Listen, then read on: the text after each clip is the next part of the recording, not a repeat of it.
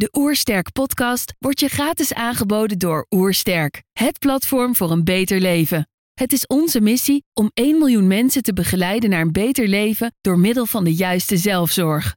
Wil je weten hoe jij kunt werken aan een beter leven? Ga dan naar www.oersterk.nu slash gezondheidscheck voor onze gratis gezondheidscheck en krijg direct jouw uitslag met persoonlijk advies. Goedemiddag, mijn naam is Bas de Kok en u luistert naar de Oersterk podcast.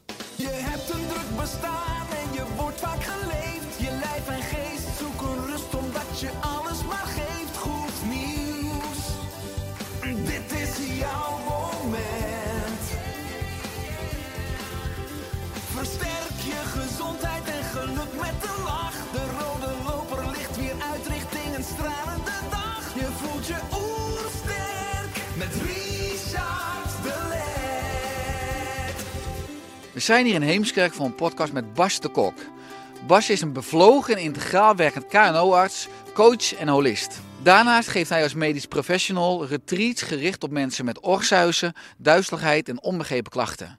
Ik ben benieuwd naar zijn tips voor een beter leven.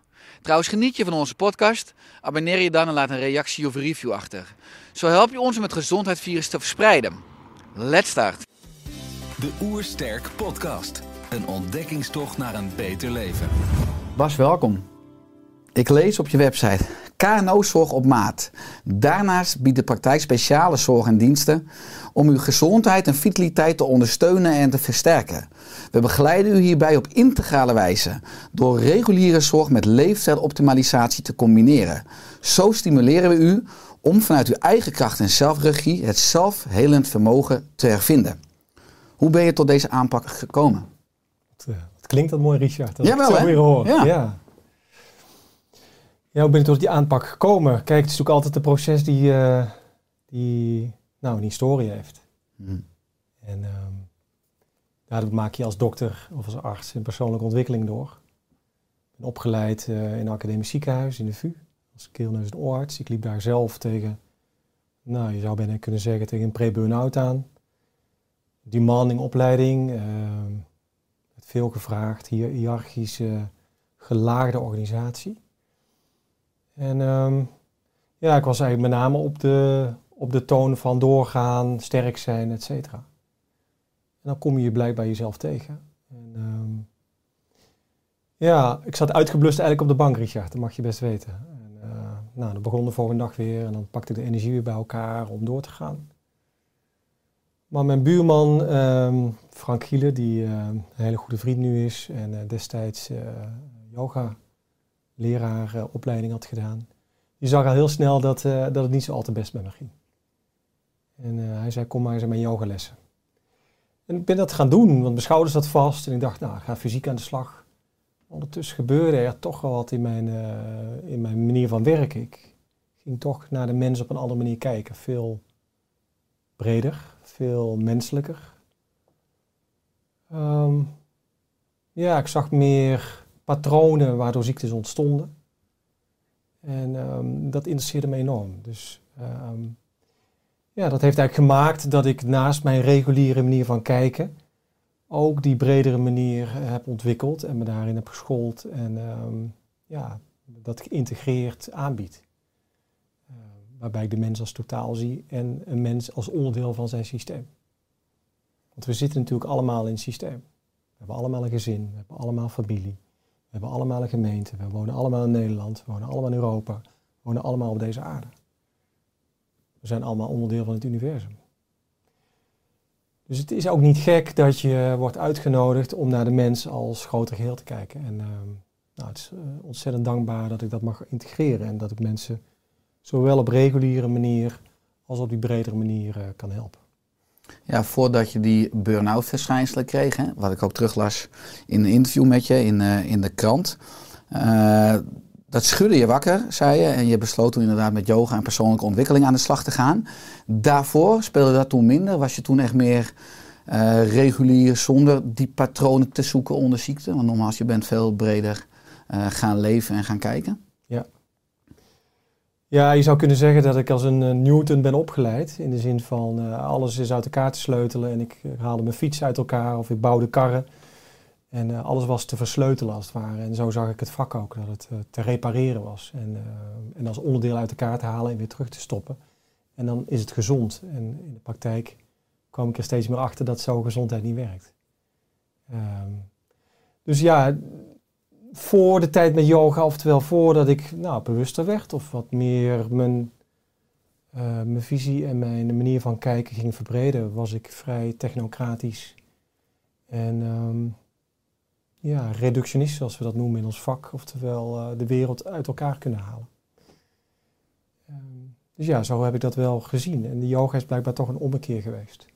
Ja, maar je hebt natuurlijk wat je noemt Newton, hè, de, volgens de fysica, en misschien meer het onderdeel lichaam. En je hebt natuurlijk aan de andere kant Einstein met de kwantumfysica, waar je dan veel meer gaat praten over bewustzijn en eigenlijk de driehoek lichaam, geest, ziel. Ja. Eh, wat ik mooi vind aan jou, eh, Bas, en denk ook inspirerend voor iedereen die kijkt of luistert. eh, je kreeg na de CITO-toets, dus wat jaren terug, kreeg je een MAVO-advies, hè, terwijl je dokter wilde worden. Nu ben je de dokter, hè? hoe heb je dit doel verwezenlijkt? Nou, ik merk wel als je dat zegt dat het wel weer iets raakt. Ehm, er stond zelfs het woordje zwak MAVO voor. En dat, ehm, ik heb gemerkt dat, dat dat ook wel toch mijn eh, levensinvulling bepaald heeft eh, op een of andere manier. Is waarbij ik, nou, over oersterk gesproken, dat wilde laten zien dat ik eh, niet zwak was. En dat ik alles kon en, ehm, en alles kon manifesteren. En toen ik tegen mijn ouders zei van mama, ik wil, wil geneeskunde gaan studeren. Toen zei ze, weet je dat wel echt jongen? Ehm, kun je dat wel aan qua capaciteit? En ik voelde heel diep van binnen dat eh, ik daarin gesteund werd en ehm, ja, dat die weg voor mij perfect was. Eh, maar in het begin heb ik dat gedaan op wilskracht en op, eh, op doorzettingsvermogen. En dan zie je toch dat dat niet de juiste weg is. Hè? Dat het vanuit, meer vanuit jezelf en vanuit het hart mag komen. Ja, Want je wilde je bewijzen ten opzichte van die leerkracht of ten opzichte van de wereld dat je niet zwak bent. ja, dat denk ik wel, ja. Dat je nooit misschien zwak bent, maar altijd sterk bent, waardoor Ja. je over je grenzen heen gaat en roofbouw Zeker. kan Ja. plegen. ja. Als ik nu in mijn praktijk kijk, dan zie ik bij heel veel patiënten diezelfde mechanismen spelen. En het is zo'n belangrijk inzicht feitelijk als we zien dat we vanuit een bepaalde motivatie of een bepaalde, je zou kunnen zeggen, mindset naar de wereld blijven kijken, wat eigenlijk een soort valse illusie is. Je hebt je dingen als het ware ingesteld als zijnde dat je niet goed genoeg zou zijn, of dat je er niet toe deed, of je wilde erbij horen, dat lukte niet. Dat je daardoor op een soort compensatoire of een manier van compensatie jezelf voorbij rent. En dat leidt tot heel veel klachten. En het is eigenlijk wel heel typisch dat ik eigenlijk die groep van patiënten waarbij het zenuwstelsel eigenlijk overstag gaat Mhm. En op hol gaat of overprikkeld raakt of eh, nou, het stoom uit de oren komt, letterlijk en figuurlijk. Dat ik dat nu heel nu goed kan zien, eh, omdat ik dat proces zelf heb eh, nou, ervaren en gevoeld. Mooi, daar kom ik zo nog iets op terug als je het hebt over het stoom uit de oren bij patiënten. Want je hebt na de HAVO je opleiding tot operatieassistent gedaan. Ook heb je fysiotherapie ge- gestudeerd. Heeft dat je uiteindelijk ook veel geleerd over de andere kant zeg maar, van het bed en de andere kant van de artsenkamer? Ja, ik weet niet hoe, je die vraag precies bedoelt. Misschien dat je Ja, iets kunt toelichten. Laat ik zo zeggen dat ik eh, ook vanuit mijn... Ik heb gewerkt in de thuiszorg. Eh, ik heb gewerkt eh, in ziekenhuizen, maar veel meer ook vanuit de zorgkant. En dan heb je te maken met artsen en ook met huisartsen. Of ik heb zelf ook als patiënt in bed gelegen. Dat is natuurlijk enorm leerzaam als je straks ook, dus letterlijk toen ik op de artsopleiding zat, eh, dat ik eh, me bewust was van het perspectief van dat ik bijvoorbeeld eerder een complimentje gaf aan de fysiotherapeut of aan omdat, eh, ja, dat is misschien ook weer een beetje een aanname, omdat sommige artsen de perceptie van de andere kant niet, kennen. En dat hoor je natuurlijk vaak in de zorg, zeker in de thuiszorg, waar heel veel verzorgsters of verpleegkundigen niet per se altijd begrepen worden door de arts of zich niet begrepen voelen. Ehm, en ook fysiotherapeuten. Dus, dus er is soms ook wat strijd, omdat je verschillende belangen hebt. Ja. En de arts er natuurlijk altijd bovenaan. Maar dat het natuurlijk fantastisch is qua groei. eh, als je, want je hebt al die haltes gehad, dat je eigenlijk een veel completere arts kunt zijn of kunt worden. Omdat je dat totale perspectief hebt meegekregen Ja. in de jaren. Ja, nu begrijp ik je vraag eh, beter of voel ik het dieper. Kijk, ik kom uit een nest waar mijn moeder kapster was die eigenlijk eigenlijk aan huis werkte. En daar waren altijd mensen over de vloer. Als jong kind liep ik al in mijn pyjama tussen mensen rond. En mensen hebben me altijd geïntegreerd. Dus ik zag geen verschil tussen arm, rijk, zwart, wit, et cetera. Dus die dualiteit heb ik nooit gevoeld. Tuurlijk heb ik in mijn proces en als ik toen mijn opleiding deed, geneeskunde en daarna de specialisatie, dat ook artsen daar op een andere manier met mensen om konden gaan. En ehm, nou ja, een bepaalde distantie of een afstand uh, voelde. Ja, ik heb altijd ervaren vanuit mezelf dat het verbinden met mensen, of dat nou een verpleegkundige is, of de doktersassistent naast me, of de patiënt, we zijn allemaal gelijkwaardig en we zijn eigenlijk allemaal dezelfde mensen met dezelfde emoties, met dezelfde dilemma's. Eigenlijk zou je kunnen zeggen, we hebben een arts-patiëntrelatie en dan worden we ook opgeleid. Maar ik voel nu steeds meer, en ik zie ook dat die jonge dokters dat veel meer, dat er een gelijkwaardigheid is, waarbij we elkaar als mens proberen te helpen. Natuurlijk, ik met meer kennis en jij als mens met een klacht. Maar als we daar samen in gaan werken om te kijken van, hé, hey, hoe zie jij het? Waar kan ik bij helpen? Waar kan ik ondersteunen met mijn kennis? Dan ontstaat er eigenlijk een katalyserend effect waardoor mensen veel sneller genezen en, uh, en die stappen kunnen maken. Als je ze betrekt. Mhm. Ja, dat, dat geven natuurlijk ook trainingstrajecten voor, voor artsen. Het programma heet Care for the Heart. Ja, die zienswijze of dat contact met de patiënt vanuit een ander niveau. Niet denken vanuit uh, kennis, vanuit macht. Maar heel erg, oké, wat heb jij nodig als patiënt? En um, ja, dat vraagt een andere afstemming en dat kun je heel goed leren. En dat vind ik voor mij persoonlijk vind ik dat enorm voedend en daar krijg ik heel veel energie van als we dat samen kunnen doen. Ja, mooi. Het trainingsprogramma kom ik zo ook op terug. Maar wat jij eigenlijk zegt, als je met patiënten ook op ooghoogte bent, in plaats van dat je vroeger hè, uh, in de zaal in bed moest liggen, want de arts kwam langs op visite en de arts moest op de patiënt neerkijken. Maar als je ogen op dezelfde hoogte dan ben je ook op de, met, qua hart op dezelfde hoogte en dan kan je letterlijk tot een duurzame symbiose komen. Ja, absoluut. Uh, ik denk dat het ontzettend belangrijke kennis die nu steeds meer vrijkomt over systemisch werken. Hè? Waar ga je als patiënt zitten? Waar ga je als arts zitten ten opzichte van de patiënt? Um, hoe, hoe, hoe, stem je af? Afgestemdheid. een enorme uh, ja, gelijkwaardigheid die je kunt inbouwen in het gesprek. Als je links gaat zitten naar de patiënt of rechts naast de patiënt, dat maakt wezenlijk uit. En als je dat eens een keer aan je patiënt vraagt, waar ik nu zit, voelt dat goed voor je? Kunnen we hierdoor gelijkwaardig en uh, afgestemd werken?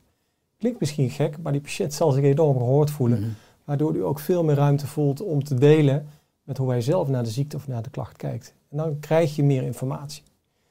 En vanuit de, de Native Americans zou je kunnen zeggen, daar heb je de Nowatans, hij die luistert. Ik denk als dokters, als we meer luisteren inzetten en echt kunnen afstemmen op de patiënt, dat we zo'n rijke informatie krijgen waarin we heel snel kunnen zien waar de problemen liggen en waar je oplossingen zou kunnen vinden voor de ziekte. Ja, mooi.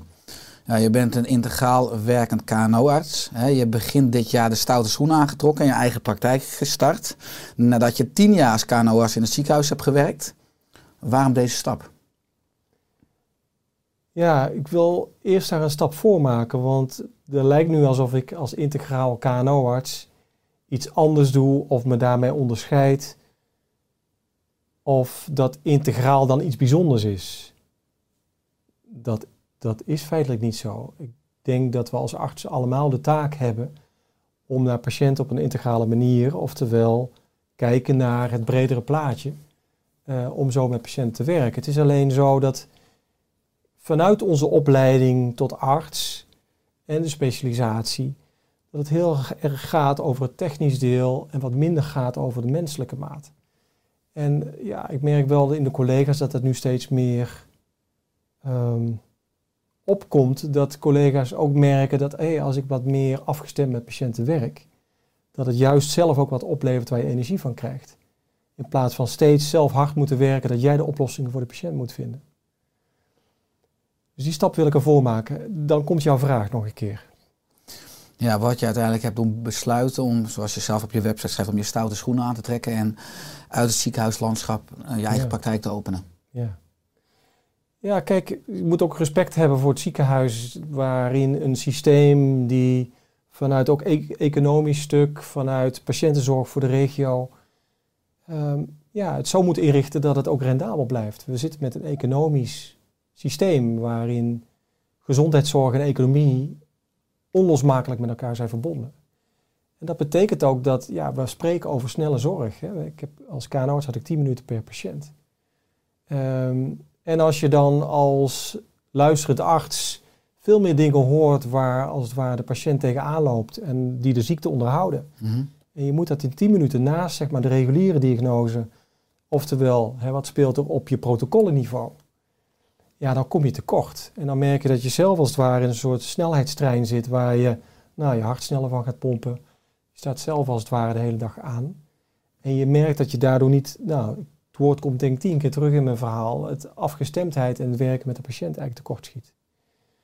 Dus ja, dat voelende betekent dat je kleur moet bekennen en uit het systeem moet stappen en zeggen van nou, hoe ga ik het dan inrichten zodat ik wel die zorg kan leveren die ik graag voor de mens zie en waar ik zelf ook een blij, uh, duurzaam arts van blijf. Ja, en nu heb ik drie kwartier tot een uur per patiënt.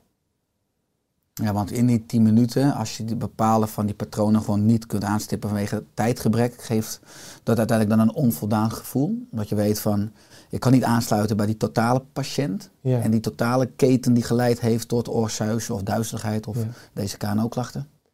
Nou, ik werd daar wel meester in, in de zin dat ook in 10 minuten ik een integraal consult kon doen. Ik checkte mijn rode vlaggen of als het ware niets was wat ik moest checken met een, met een, eh, met een MRI-scan bijvoorbeeld of bloedonderzoek. Maar ik zag heel snel, ook op de manier waar mensen binnenkwamen, je ontwikkelde toch een soort zesde zintuig. Waar staat iemand? Hoe zit die in het systeem? Ehm, wat zijn dynamieken binnen het gezin, et cetera? En eh, waar loopt diegene tegenaan in zijn leven? En waar blokkeert hij? Of ja, komt hij feitelijk tegenaan dat hij niet een authentiek leven kan leven? Want ik denk dat dat de basis is van ziekte. Hè? Dat mensen niet een authentieke leven vanuit de flow kunnen leven. Mhm. En alleen, dus als je dat dan opent, ja, dan is er weinig ruimte en tijd om ook daar in de diepte of eventjes te voelen van ja, hoe kunnen we daar naar kijken en wat kun je daar zelf aan doen? Of hoe kun je je systeem gebruiken of je sociale kring? Ja, dus het was altijd incompleet. En, ehm, ja, het mag completer. Ja, mooi wat je zegt. In je pra- praktijk heb je nu veel meer tijd. Eh, ik, ik hoorde je ook zeggen, ik zag dat bij veel mensen klachten niet zomaar out of the blue ontstaan. En dus een directe uitnodiging vormde voor persoonlijke verandering en groei. Kun je een voorbeeld geven wat je ziet bijvoorbeeld bij mensen met oorsuizen of duizeligheid? Ja.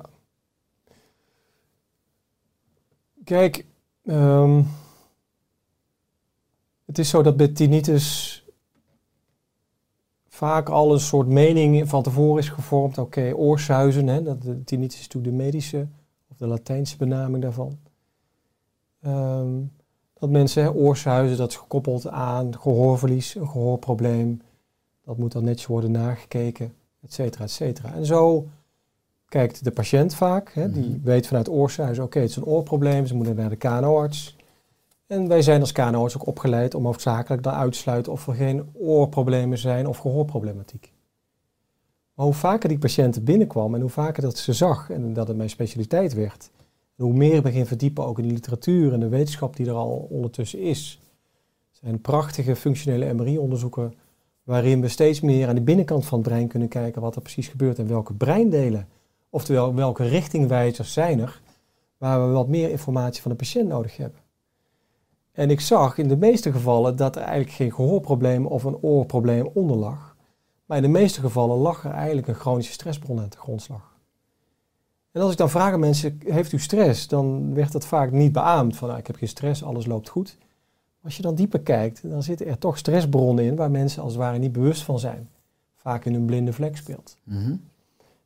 Ehm, dus het, het, het vraagt ook om verder te durven kijken. Hè? Kijk, als je 10 minuten als KNO-arts hebt en daarin nou, moet je de hoortest beoordelen en je moet de oren beoordeeld hebben, dan blijft er weinig tijd over om verder te kijken. En dan snap ik ook dat de meeste collega's zeggen van ja, ik kan u niet helpen. Eh, de oren zijn in orde en leer maar met het oorsuis leven. Door steeds meer door te vragen. Ik had laatst een patiënt. En die dame die gaf aan oorsuizen links altijd gehad. Knalharde piep. toen ik verder ging vragen, bleek dat alle klachten links, alle klachten links, wat ze heeft gehad, ze had links darmklachten gehad, ze had ook kiespijn links gehad, et cetera, et cetera. En het klinkt nu heel gek wat ik zeg, maar eh, vanuit de psychotherapie weten we bijvoorbeeld dat de linkerkant veel meer de vrouwelijke kant is van ons systeem. En de rechterkant is veel meer de mannelijke kant van het systeem. Je zou kunnen zeggen, de rechterkant van ons lijf is de ratio en de linkerkant is veel meer het gevoel. En toen vroeg ik van ja, hé, hey, wat, wat zou er in de vrouwelijke lijn kunnen spelen? En, die vraag kwam niet uit mijn hoofd. Dat kwam gewoon omdat ik voelde dat er iets zat in dat stuk. En dan kun je zeggen, ja, het is eigenlijk gek dat je dat vraagt in het kader van oorsuizen. Maar toen kwam er een heel verhaal uit van een oorlogstrauma vanuit de vrouwelijke lijn van de familie. Met deportatie en et cetera. En ze begon te huilen en die diepe rouw of dat diepe trauma wat eigenlijk familieleden al langer eh, in zich gedragen hebben en blijkbaar ook nog systemisch zo werkt. Dat gaf haar blijkbaar klachten emotioneel, wat als het ware als je daar niet naar vraagt, nooit naar boven zal komen. En het is intuïtie wat je ook mag gebruiken. We denken altijd dat kennis uit ons hoofd moet komen en dat als het ware een bibliotheek hebben van boeken waar we alles hebben opgeslagen. Dat is niet. Als je praat over Einstein en het veld en kwantumfysica en hoe het universum werkt en waar nu steeds meer onderzoek over komt, hoe ons universum werkt. En dat het eigenlijk één brei is, één soep, één universeel soep van informatie. En dat die informatie gewoon wordt opgeslagen. Jouw woorden, mijn woorden die we uitspreken, wordt opgeslagen in die oersoep. Betekent dat, of we nou spreken over toekomst of verleden, dat eigenlijk die kennis behouden blijft. En van die kennis kunnen we gebruik maken. Als je maar durft te luisteren op een andere manier. En nou, er zijn onderzoeken of er zijn ehm, verschillende takken, die, bijvoorbeeld heuristische geneeskunst, die veel meer kijken van nou, brain-gut feeling, et cetera. Is ehm, dat we ook mogen vertrouwen op een intuïtief gevoel van hé, hey, wat speelt er bij jou? En dat kunnen we niet uit ons hoofd krijgen, dat komt hier ergens vandaan. Veel meer uit het voelen. Ja, mooi. Als je zegt, net bij sommige mensen komt het stoom letterlijk uit de horen, hè, zei je. Eh, veel mensen met oorsuizen ervaren natuurlijk de hele dag een piep of een suis. Eh, toch zag ik ook op eh, jullie website de, het aanbod van de inner silence. Hè. Hoe kunnen deze mensen met oorsuizen toch stilte ervaren? Dat is natuurlijk een mooie paradox. Mooie vraag. Ja, en dat is de vraag die meteen de kern is. Kijk, je moet je als eerste realiseren dat wij alle mensen hebben of kunnen ons geluid horen van onze eigen hersenen. Oftewel, tinnitus is gewoon doodnormaal. Maar ik kan me voorstellen als patiënt en het knalt je oren uit, dat deze woorden je pijn doen, omdat die tinnitus een enorme lastpak is die heel verstorend kan werken op slaap, op sociale contacten. Ik had vano- vanochtend nog een eh, jonge vrouw die ontzettend veel klachten ervoer en ervaart. En daardoor eigenlijk niet meer sociaal naar de vriendinnen kan, lekker eten, et cetera. Dus tinnitus is in principe geen ziekte. Alleen hoe we ons tot verhouden of de reactie die we op hebben of de relatie die we ontwikkelen. Oftewel, we zijn vaak in het Westen gewend om dingen die onprettig zijn, om dat weg te duwen. Om dat niet toe te laten. Ehm, het moet fijn zijn, het moet plezier hebben. Ehm, pijn of geluid mag er niet zijn. Dus het betekent dat ik daartegen moet vechten. En eh, boos mag worden, want jij hoort er niet. En als ik dat al zo uitspreek, dan gaat er mij al iets aan. Boos worden om iets, het systeem gaat aan. Oftewel, je stresssysteem gaat aan. Dat is hoe onze hersenen samenwerken met ons hele lijf via de bijnieren.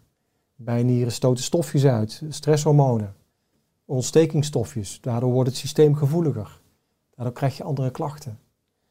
Dus wat wij leren, onder andere in die trajecten die we aanbieden, waarin we cognitieve trainingen doen, waarin we eh, integratie hebben van relaxatie, relaxatierespons van Herbert Benson, een hele krachtige methodiek vanuit de jaren 60, eh, Harvard-cardioloog eh, Herbert Benson. Om de parasympathicus weer te activeren. Ja, ja, zeker. Om die hele, dat systeem tot rust te brengen, te kalmeren.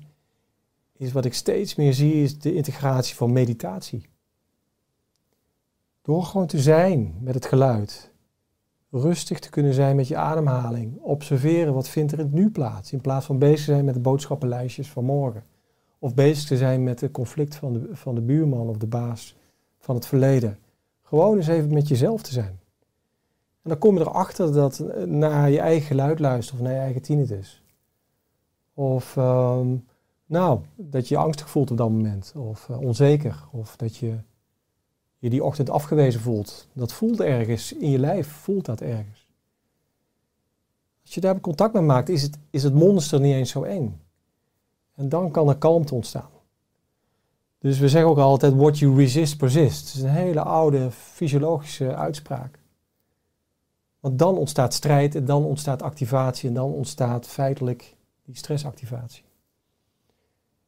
Ja, dan kom je bij die innerlijke stilte uit. Die innerlijke stilte, als mensen diep in meditatie zijn en ze hebben zich overgegeven en volledig kunnen zijn met wat er nu is. Ja, dan gaan ze een andere sensatie krijgen of een onderdeel van een groter geheel of grotere intelligentie of sommige mensen noemen het God of sommige mensen noemen het uh, mijn werkelijke zelf. Andere mensen noemen het ik voel me heel liefdevol.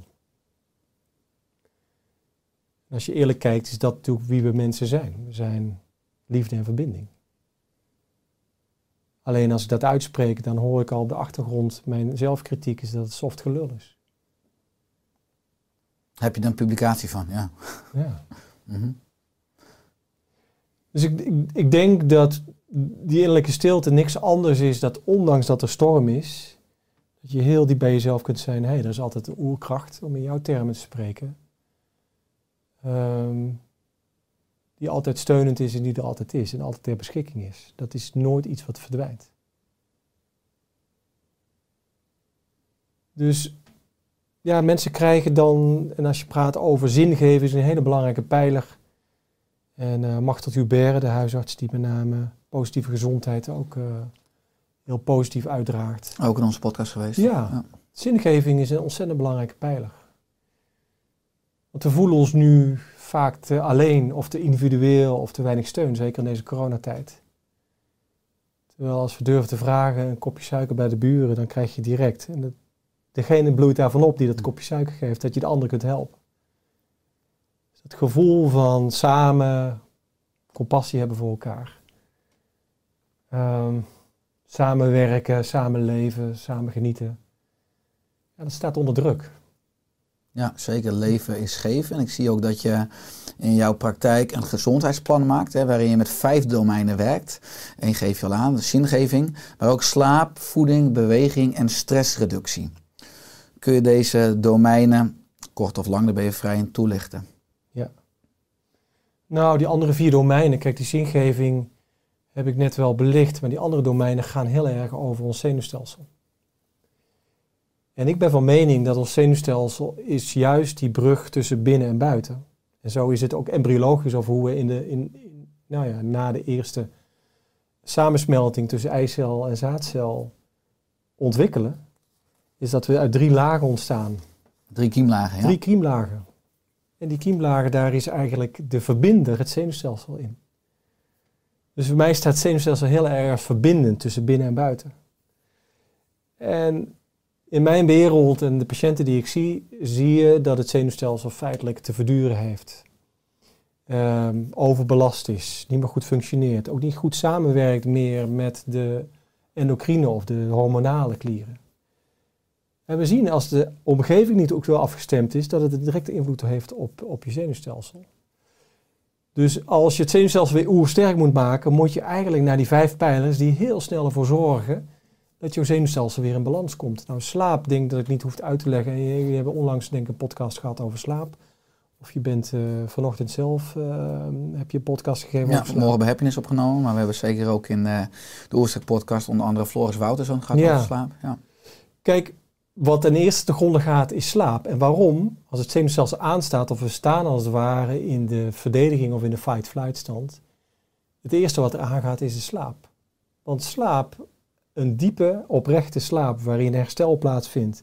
Waarin je diepe fase terechtkomt, waar stoffen worden opgeruimd, niet alleen in je lijf, maar ook in je hersenen. Dat vraagt om veiligheid. En wat de meeste mensen niet voelen is veiligheid.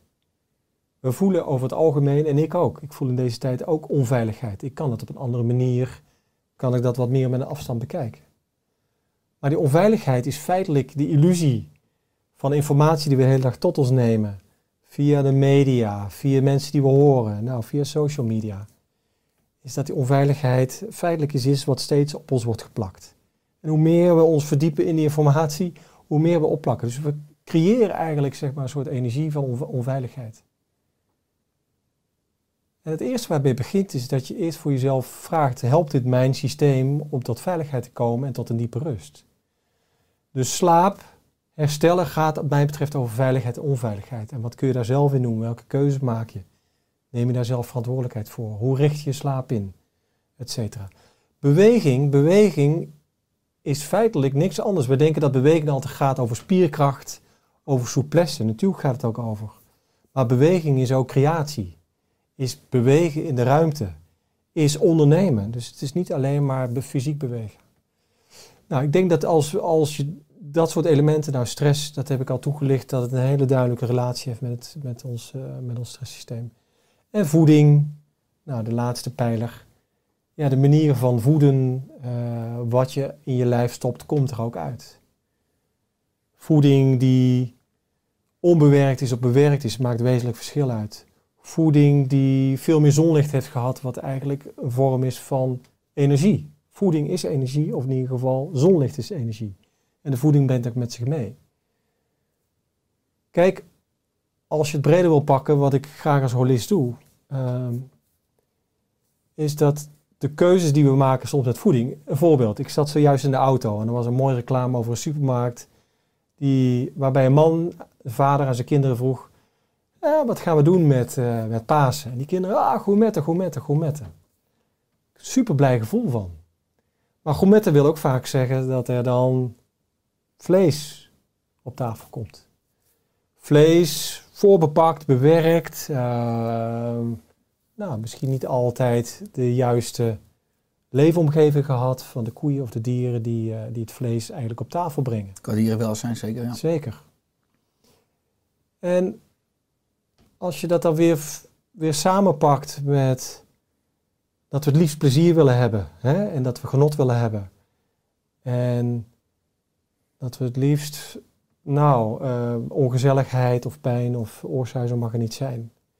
Is dat dat eigenlijk ons, onze consumentisme, zoals het wordt genoemd, eigenlijk onze craving naar meer, ehm, craving naar sneller, craving naar nou, onbewuste keuzes maken, ongegronde keuzes maken. Is dat voeding eigenlijk een uitnodiging is om juist te gaan spelen vanuit dat grotere geheel. Hé, als ik dan een, een biefstuk op de gourmet leg, waar komt dat eigenlijk vandaan? En heeft dat dier een goede welzijn gehad? Of, of staat het op graslanden waarin met eh, toxische middelen wordt gebruikt, glycofanen, et cetera? Dus die biefstuk staat niet zozeer dat we daar niet van mogen genieten, maar staat veel meer voor, dien ik hier het grotere geheel mee? Want dat is denk ik de basis van gezondheid. Mij betreft kun je dan veel meer spreken over, het gaat over ecologische gezondheid, het gaat over een veel groter systeem. Jij als mens binnen een systeem. Voeding is een belangrijk onderdeel waarbij je ja, daar waar we op een bredere manier naar mag kijken om, eh, om te kijken wat dient het grotere geheel en wat dient daarom mijzelf ook. Waar blijf ik gezond bij? En als je zo naar voeding kijkt, dan een biefstuk die komt van een biologische boerderij waarbij de dieren dagelijks naar buiten kunnen, is een bron van voeding. Maar aan de andere kant, als je paprika's die bespoten zijn om ehm, de micro-organismen en insecten buiten te houden, dan kun je zeggen, ik ben gezond bezig, maar uiteindelijk dient dat niet het grotere geheel. En zal ook je lijf daar minder energie uit ophalen en minder vitamines uit ophalen. Dus zo probeer ik dat te integreren om mensen meer bewust te maken en te gaan spelen. En niet als het ware als een soort dokter of een vader ehm, ja, te zeggen van dit moet je wel doen of dit moet je niet doet- doen.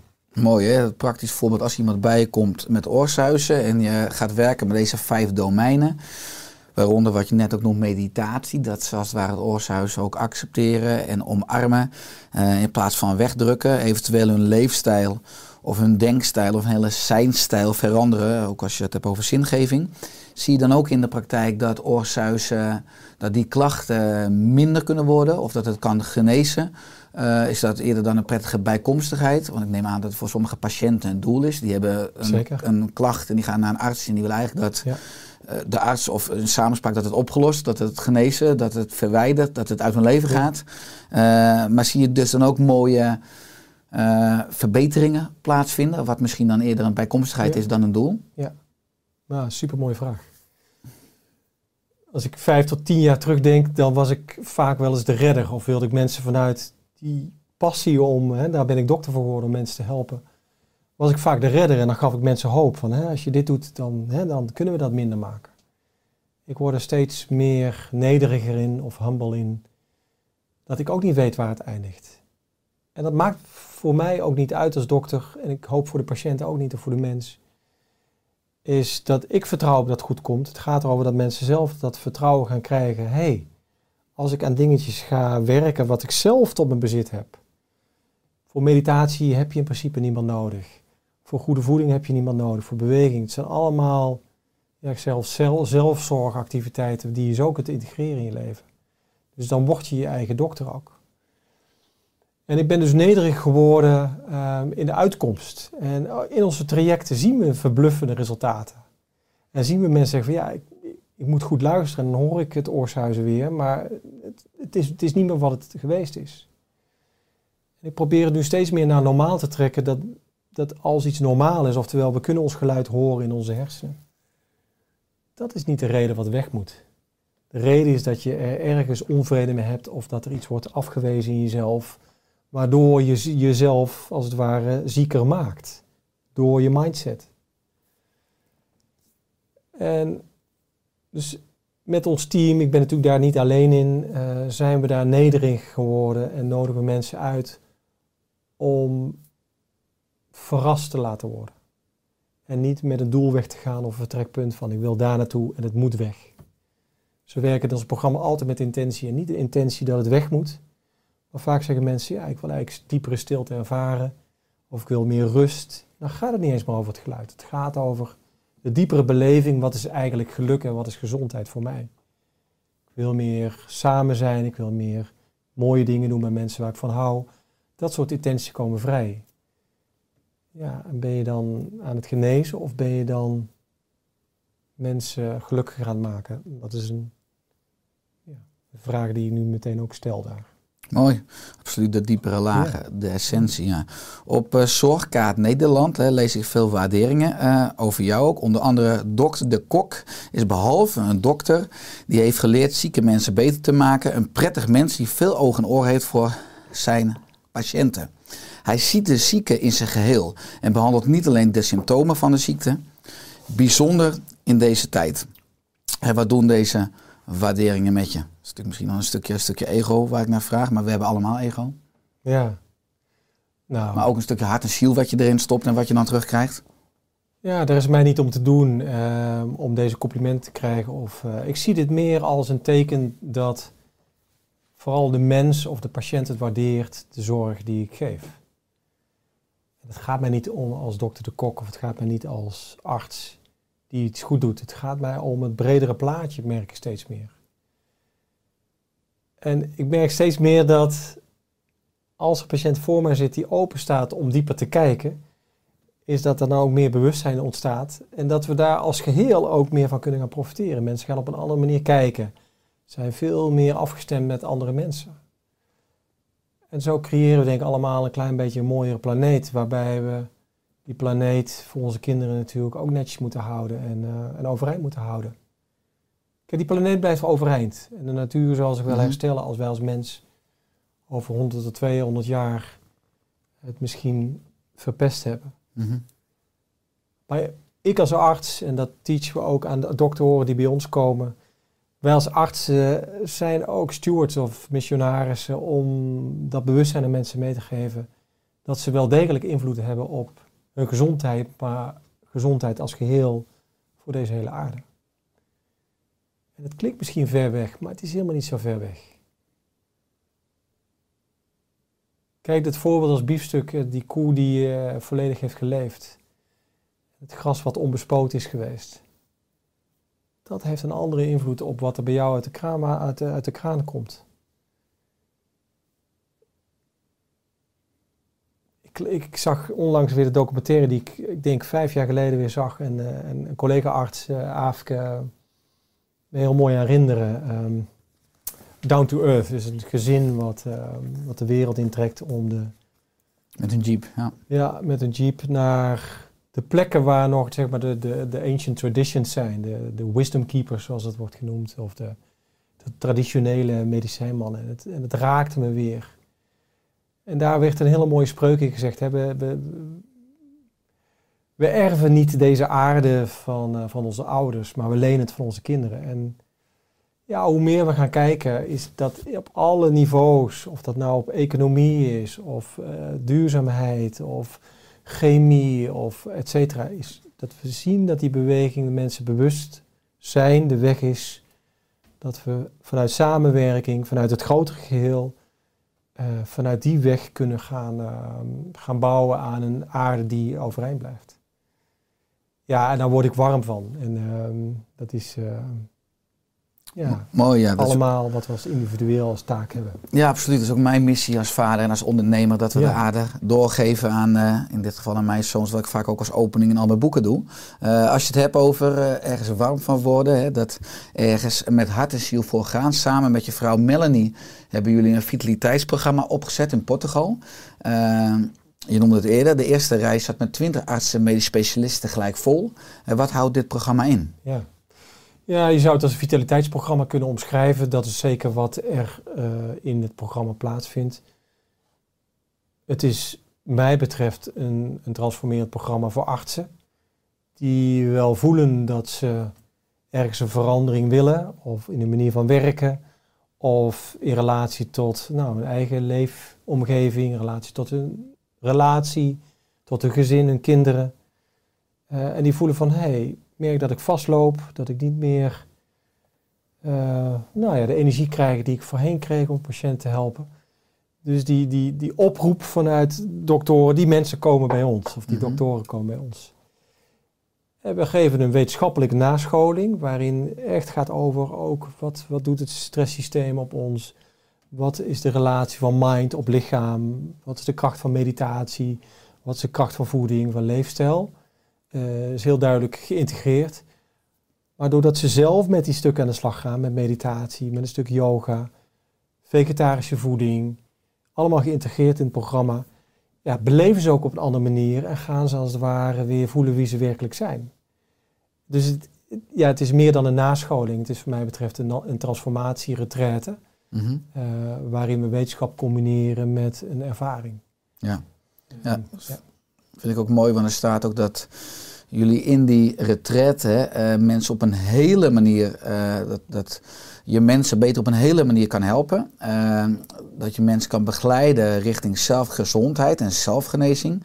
En deze vijfdaagse nascholingsretreat nodigt uit tot een ongekende bewustzijnstransitie in je kijk op je werk en je leven. Een mystieke reis die alle elementen in zich heeft helder naar de wereld te kunnen blijven kijken. Uh, nou, ik heb mezelf natuurlijk na de reguliere geneeskunde ook veel meer holistisch en integraal en spiritueel ontwikkeld. Is het een uh, gemiste kans dat deze wijsheid, we hebben heel veel informatie en kennis, maar misschien iets te weinig wijsheid in de moderne wereld niet in de artsopleiding zit? Of zie je dus ook een verlangen, een zoeken van, zeker wat je noemt, de jonge generatie artsen ook naar deze holistische wijsheid? Nou, zeker. Daar is absoluut een behoefte. En ik merk aan de jongere uh, generatie die nu in opleiding is tot arts of gaan komen, dat die al veel bewuster naar de wereld kijken en als veel meer de mensen als heel zien. Dus er komt een prachtige generatie aan. En uh, ik word regelmatig gebeld uh, met ja, meer de vraag van ja, ik voel dit, ik zie het grotere geheel, maar ik weet niet hoe ik het moet integreren. Um, ja, in de geneeskunde opleiding is dat nog niet volledig geïntegreerd. Er komen steeds meer wel op uh, stukjes curriculum over voeding en over leefstijl. Maar mondjesmaat en dat bredere kijken en dat, nou ja, dat, dat werk vanuit het hart, zoals ik het wel eens noem. Ja, dat is niet iets wat in de geneeskundeopleiding tot nu toe geïntegreerd is. En daarin zie je dat vanuit die behoefte er nevenopleidingen komen, zoals de AIM, de Academy of Integrative Medicine, uh, Amsterdam School of Integrative Medicine, van Simona uh, Simona Adesh, Adesh die ja. er ook uh, geweest is. Ja. dat die behoeften steeds meer worden ingevuld eh, en mensen als het ware daar facultatief, of dus gewoon, nou, dat stuk wil ik eruit halen en hier wil ik van leren. Dus het wordt rijker eh, wat we kunnen leren. Ik heb bijvoorbeeld heel erg gewerkt met eh, de- Institute of Functional Medicine, dat is een or- eh, Amerikaanse organisatie. Die Van Andrew Weil. on- Andrew Weil is daar wel bij betrokken, absoluut. Ehm, maar die gaan vinden vanuit een wetenschappelijk kader kijken van hey, wat zijn er allemaal mogelijkheden en wat is, wat is zinvol om te doen en wat is veilig en wat is minder zinvol. Dus ik denk dat we als artsen kritisch moeten blijven, zeker als we op dat hele dunne lijntje van nieuwe behandelingen, nieuwe inzichten, dat we kritisch moeten, kunnen, moeten blijven kijken. Wat is nou zinvol? Waar is evidence voor? En eh, wat kunnen we op een veilige manier toepassen? En kunnen we dat goed afgestemd met de, de patiënt doen? Hè? Wat past bij jou? Dus veel meer personal-based of eh, in afgestemdheid met de patiënt. Dus er is een rijkheid die ontstaat nu en een beweging die niet meer te stoppen is. En dat is prachtig. En ik zie het maar zo dat mijn koffer die ik voorheen, tien jaar geleden, toen ik net klaar was als KNO-arts, die was als het ware nou, 30 centimeter breed. En nu heb ik een gereedschapskist die tot bij wijze van spreken plafond reikt. Waarin allerlei methodieken die ik op verschillende momenten kan inzetten. En ja, daar word ik heel blij van. Want daarom ben ik dokter geworden om mensen te helpen. En als je dan meer tools hebt, dan, ehm, ja, dan, dan, dan merk je dat je daarin eh, meer mogelijkheden hebt. Ja, mooi, want het is natuurlijk fantastisch. Eh, ik, zit ook, ik word enorm blij als ik hoor over jullie trainingsprogramma voor artsen. Vaak als je, tenminste bijna altijd als je arts bent, dan zie je, komen mensen bij die gezondheid en vitaliteit zijn verloren. Dus voor een deel ben je al iets te laat. Als je ook kijkt naar, eh, waar we misschien in Amerika al, verder mee zijn, van een integrale preventieve visie. Je werkt met vijf domeinen. Hoe fijn zou het zijn als we de hele maatschappij trainen in die gezondheidsvaardigheden? Of misschien onze kinderen, alle basisscholen of middelbare school. Ik denk dat uiteindelijk de geneeskunde ook samenhangt met onderwijs in de publieke ruimte. Dat al die domeinen letterlijk mogen of moeten gaan samenwerken, willen we een vitalere wereld. Eh, heb je daar een visie op? En als Mark Rutte jou zou bellen en ook zou zeggen, Bas, eh, nou ja, nu je eigen praktijk uit het ziekenhuis, je hebt eh, misschien iets meer tijd, kan je ook niet eens één dag in de week in Den Haag gewoon wat grote lijnen uit gaan zetten, verzakt met 50 miljard euro. Dus ook een budget waar je impact mee kan maken. Eh, hoe ziet jouw ideale wereld als we dan toch dromen eh, vanuit je hart er dan uit? Heb je even? Alle tijd. Ja, dit is natuurlijk de, de million dollar question. Ja? En ik haal er twee elementen uit die ik hoop in mijn verhaal te kunnen verbinden. Maar één is bewustzijn, de andere is angst. En de derde pijler is vertrouwen. Kijk, dat bewustzijn, dat is aan het groeien. Bewustzijn dat we niet alleen op deze planeet zijn en dat we moeten leren samenwerken en vanuit een groter perspectief naar gezondheid moeten kijken. Ik denk dat het ook op lokaal en regionaal gebied al best goed gebeurt. Dat er initiatieven zijn die best al eh, grond en basis krijgen waar mooie dingen gebeuren. Ehm, nou ja, jouw initiatief is natuurlijk daar een heel goed voorbeeld van. Is dat ehm, door mensen te verbinden, mee te nemen, bewust te maken, eh, dat het helpt waarbij je ook onderling verbonden voelt. Dat is ontzettend belangrijk. Maar daarentegen, als je praat over de politiek die dit stuk mag gaan stimuleren, hè, de, nou, de, de initiatieven rondom eh, biologische voeding, lagere prijzen daarvoor, de supermarkten, et cetera, als voorbeeld, betekent dat die politieke agenda altijd wordt beheerst door belangen. Nou, lijkt me logisch Economische belangen vaak. economische belangen. Maar ik heb ook in mijn traject gemerkt, is dat als je op die nieuwe manier ook gaat werken en gaat denken, dat er altijd toch weer weerstand komt. Vanuit het onbekende, dat is niet mijn terrein. En het is vaak de onwetendheid en ook een stukje angst voor nou, je eigen plek of je eigen positie. Is dat dat soort initiatieven daardoor ook een tegenlobby ehm, krijgen. En dat betekent dat er continu krachten zijn die dat soort dynamieken ehm, ja, ook wel eens om zeep helpen of dat ze net, net niet de juiste flow krijgen. En dan de derde pijler die ik voel is dat vertrouwen. En ik merk steeds meer wat ik al aangaf bij de jonge doktoren. Er is steeds meer vertrouwen om gewoon dat wat je voelt en wat je denkt en die nieuwe wereld te durven dromen, dat het, dat, dat mag zijn. En dat we niet bang hoeven te zijn voor, eh, voor weerstand of tegenspel. Ehm, als je maar in de gaten houdt en 's ochtends naar je kinderen blijft kijken. hey, hoe kan ik bijdragen aan een betere wereld? Kijk, als je naar mij vraagt, dan, en dat is wat minder in Nederland, krijg ik de indruk. Maar de plek waar ik ook woon, eh, in Portugal, even voor de kijkers, ik woon deels in Portugal en deels in Nederland. Eh, nou, kan dat nog toelichten later, eh, wat daar de beweegredenen van is. Is dat je, in Portugal zie je heel veel gezinnen neerstrijken uit heel de wereld, om veel meer in contact met de natuur en samen te werken. Samen la- landbouw te plegen, onderhoud, biologische landbouw, van elkaars diensten gebruik maken, van elkaars kennis gebruik te maken.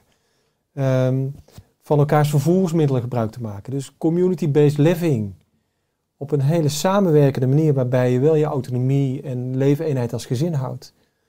Maar samen gaat werken om ja, van elkaars krachten gebruik te maken en de gezonde wereld samen te creëren.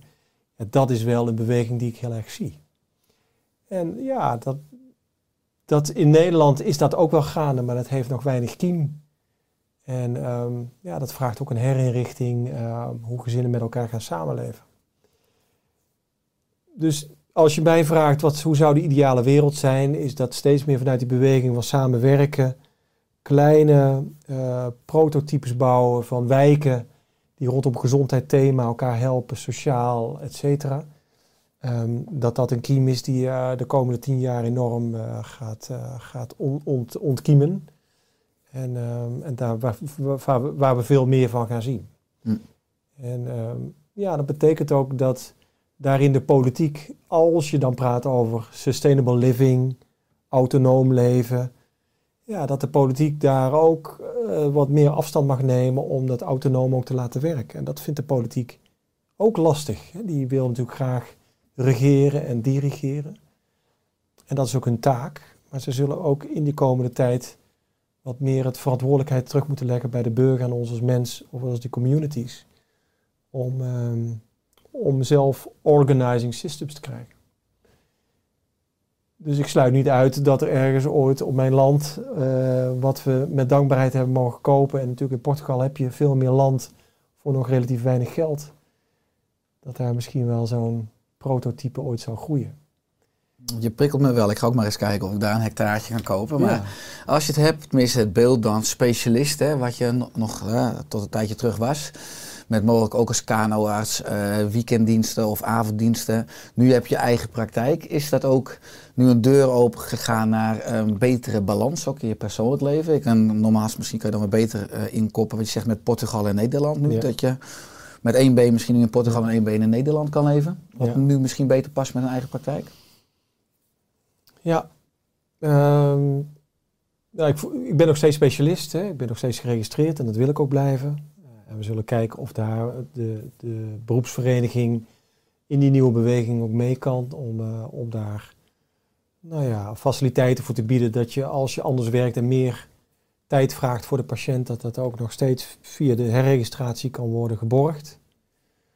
Ehm, ik heb in die tien jaar hard gewerkt. En ook vanuit een soort passie dat als je wat nou, van het licht gaat zien, waarbij als je het lichtje aansteekt bij iemand anders en dat het een effect heeft op een systeem en ook als jou als arts, dat je daar blij van wordt. Ehm, ja, dat vraagt soms dat je hard moet werken om dat ook neer te zetten. En ik merk nu sinds mijn eigen praktijk staat en het staat, en ik, mag, ik kan ook volwaardig zeggen van hier sta ik voor wat ik doe, is dat er ook meer rust komt. En dat ik ook, nou, de patiënten die ik zie, de aandacht kan geven die ik wil. Voorheen was het dat ik nog meerdere taken had. Ik moest natuurlijk ook meedenken over het management van het ziekenhuis. Financiële aspecten van een vakgroep moesten geregeld worden. Moesten taken bijkomen. Het is als het ware dat ik me nu veel meer als een klein microsysteempje wat meer overzicht heb. En dan kun je je afvragen van ja, de ene week of twee weken ben je in Nederland, de andere twee weken ben je in Portugal. Hoe is dat dan? Is super verrijkend. Ik ben niet blij dat ik in een vliegtuig moet stappen en dat ik kerosine over Europa moet uit, uitstrekken. En gelukkig heb ik de mogelijkheid om daar elke keer een boom voor terug te planten. Maar het is ook als je zelf aan je gezondheid werkt. En ik kom in Portugal en ik ben weer de, de olijfboom aan het snoeien. En ehm, ik ben met de natuur bezig. En we kunnen de bergen in. Dat ik weer oplaad en als het ware weer verbonden voel om dat weer mee te nemen naar mijn patiëntenzorg. En dat werkt nu heel goed. En, ehm, ja, dus ik merk nu dat er wat meer balans komt. En eh, ook dat we worden gesteund door de artsen die onze programma's volgen. Dat we zien dat ze zeggen van nou, ik zie waar je naartoe wil. En ik, ik wil daarin mee in die beweging. En eh, hoe kunnen we het samen doen? Dus ja, ik word er enorm gevoed door. En eh, als je iets doet waar je blij van wordt, of wat je authentieke pad is, levert dat een heel, heel veel energie op. En dan kun je gewoon veel meer aan. Mooi eens als je kijkt over al die jaren, eh, zowel misschien in de spreekkamer als al die fantastische opleidingen en die ontmoetingen met, eh, met vakgenoten. Wat is nou het gekste dat je hebt meegemaakt? Iets wat je wat geleid hebt, in ieder geval tot inspiratie in jouw eh zingeving en groei. Nou, ik heb mooie transformaties gezien, maar wij zeggen altijd bij de programma's: What happens on the mountain? Want daar vindt dan de retraite plaats. Steeds on the mountain. Stays on the mountain. Dus daar ben ik heel eager in om dat ook. eh, Snap ik? Maar als ik voor mij persoonlijk. Kijk, ik denk dat we allemaal hunkeren naar het volledig authentiek kunnen zijn. Ik denk dat Mark Rutte daar ook naar hunkert om volledig zichzelf kunnen zijn in een vrije wereld. Waarin hij onbezorgd door het groene landschap loopt en blij en springend door het leven kan gaan. Daar hunkeren we allemaal naar, want dat is onze vrije natuur. Alleen we worden begrensd in de systemen, in wie we moeten zijn, eh, door onze angsten dat we het niet goed doen, et cetera. Die begrenzing, ja, dat gaat op een gegeven moment tot ziekte leiden of voelt als een soort keurslijf. En die ziekte is een, is een urgentie en een uitnodiging voor die persoonlijke transformatie. Mooi hè, je noemt net een cruciaal fantastisch zinnetje. Ziekte is een uitnodiging voor persoonlijke transformatie. Is dat per definitie zo? Want heel veel mensen worden dan weer geconfronteerd met angst hè, bij ziekte. Die zitten Ja. niet per se van, dankjewel dat ik Ja. eh, dit nu mijn bordje heb. Ja. Ik denk als je er zo naar kijkt, hè, en ik wil daar geen, geen mensen pijn doen of... Kijk, ziekte is iets wat heel groots is in het leven en dat heeft heel veel impact op jezelf, op het gezin, op de familie. Maar we zien ziekte zo vaak als negatief, als iets wat er niet mag zijn, wat dood en verderf met zich meebrengt, wat verdriet met zich meebrengt, angst met zich meebrengt. Terwijl als je praat hè, vanuit die Down to Earth documentaire van overigens een Nederlands gezin, Mhm. is hoe de, de, de ancient wisdom keepers er naar kijken. Is dood een prachtige overgang naar een andere nieuwe wereld die wij met onze vijf zintuigen niet kunnen zien. Dus daarin is dood veel meer een celebration en een viering. En hebben we soms eens de armoede als, als westerlingen, dat we dat contact met dat grotere geheel of dat dieper zien niet altijd, eh, niet altijd hebben. En ik vind, en ik heb gemerkt dat als je de patiënt vraagt, wat is nou de les van de ziekte die, waar je nu bij mij mee komt, dat ze altijd daar dan een antwoord op geven waarbij de kern raakt waar ze steeds tegenaan lopen. Of de oude conflict met vader of moeder, of et cetera, et cetera. Oftewel wat hun blok- blokkeert in hun persoonlijke groei. Als je dat als arts durft uit te nodigen in het gesprek met een patiënt. Wat heeft die ziekte jou te zeggen? Ontstaat er zoveel ontspanning in het lijf dat het er mag zijn dat een arts ook op die manier kijkt. En ehm, geeft ruimte om voor die patiënt op een diepere manier naar de ziekte ook te kijken. Mooi, het is veel breder dan bloeduitslagen en een MRI-scan. Ja, en laten we vooropstellen, daar is niks mis mee. Daar zijn we het allebei over eens. Complementair inderdaad, aanvullend. Ja. Aanvullend. Dat is ook wat er dient plaats te vinden. En natuurlijk moeten we ziektes uitsluiten. Moeten we een MRI-scan maken om te kijken naar speelt er geen tumor, et cetera. Maar daar houdt het niet mee op. Dan begint pas geneeskunst. Want als die tumor niet is en je kunt het bloed niks vinden en de patiënt heeft wel degelijk klachten, dan ontstaat die andere kant. kun jij je verbinden met die patiënt en kun jij gevoelige vragen stellen. Die gaan over het leven zelf. En de patiënt vindt dat niet vreemd als je persoonlijke vragen stelt. Maar wij als artsen die dat niet hebben geleerd in de opleiding, die hebben daar soms toch wat vrees voor. En ja, nogmaals, soms willen we ook niet de tijd daarvoor nemen om. Als dat gesprek op gang komt, ontstaan er weer nieuwe dynamieken en dat vraagt tijd. Daarom begint ook op mijn website, als ik mezelf voorstel, ehm, zorg is tijd nemen hè, van Loesje. Mhm. Eens. En ehm, dus vraag voor jezelf als arts of je, of je daar ehm, ja, nog helemaal senang mee bent. Dat je je werk zo wil invullen. Ja, als je het hebt over de tijd die voor ons ligt, wat is je droom of je missie voor aankomende jaren van komende jaren? Nou, ja, je merkt dat ik een, een samenwerker ben. En daar word ik ontzettend blij ook van. Als we de programma hebben met de artsen of ook zeg maar de programma's voor tinnitus, wat we ook doen in retraitevorm. Ehm dan merk ik na het einde van zo'n programma dat we allemaal mens zijn, met allemaal dezelfde stukken. En we zijn verbonden. En ik zou het heel gaaf vinden als we veel meer gaan samenwerken vanuit een beweging waarin we die behoeftes waarin artsen op een nieuwe manier willen werken ook samenbrengen.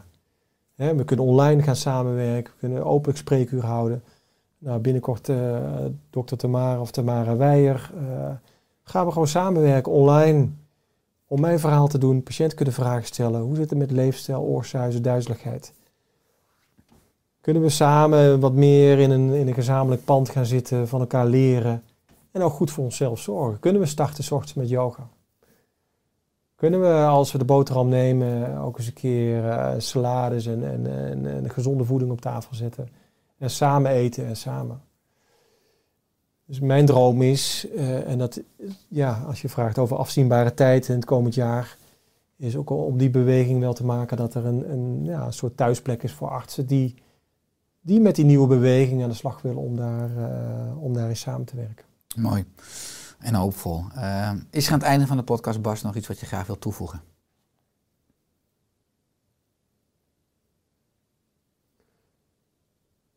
Ehm, niet, niet bedacht of niet eh, aangedacht eh, deze vraag zou komen. Ehm, dus ik ga gewoon kijken wat erop komt.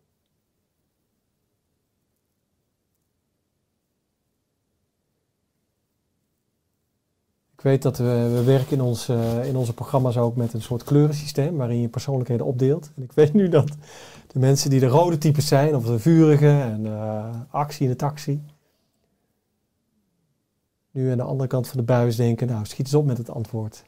Soms is het goed om eerst te voelen voordat, eh, voordat je iets uitspreekt. Niet soms, bijna altijd. Ja. Ja.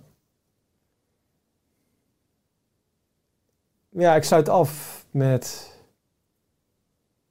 Durf jij de verandering te zijn die je voor jezelf zo vanuit je authentieke hart wil zijn?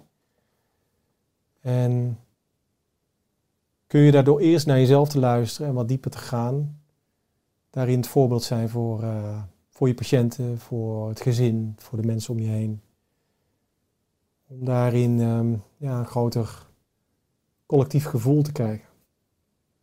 Van, eh, van samenwerken en samen dingen doen. Dat is wat we nu in deze tijd zo hard nodig hebben. Eens mooi, dat was het wachten waard hoor. Ja. Waar kunnen mensen meer vinden over jou, over de programma's die jullie aanbieden?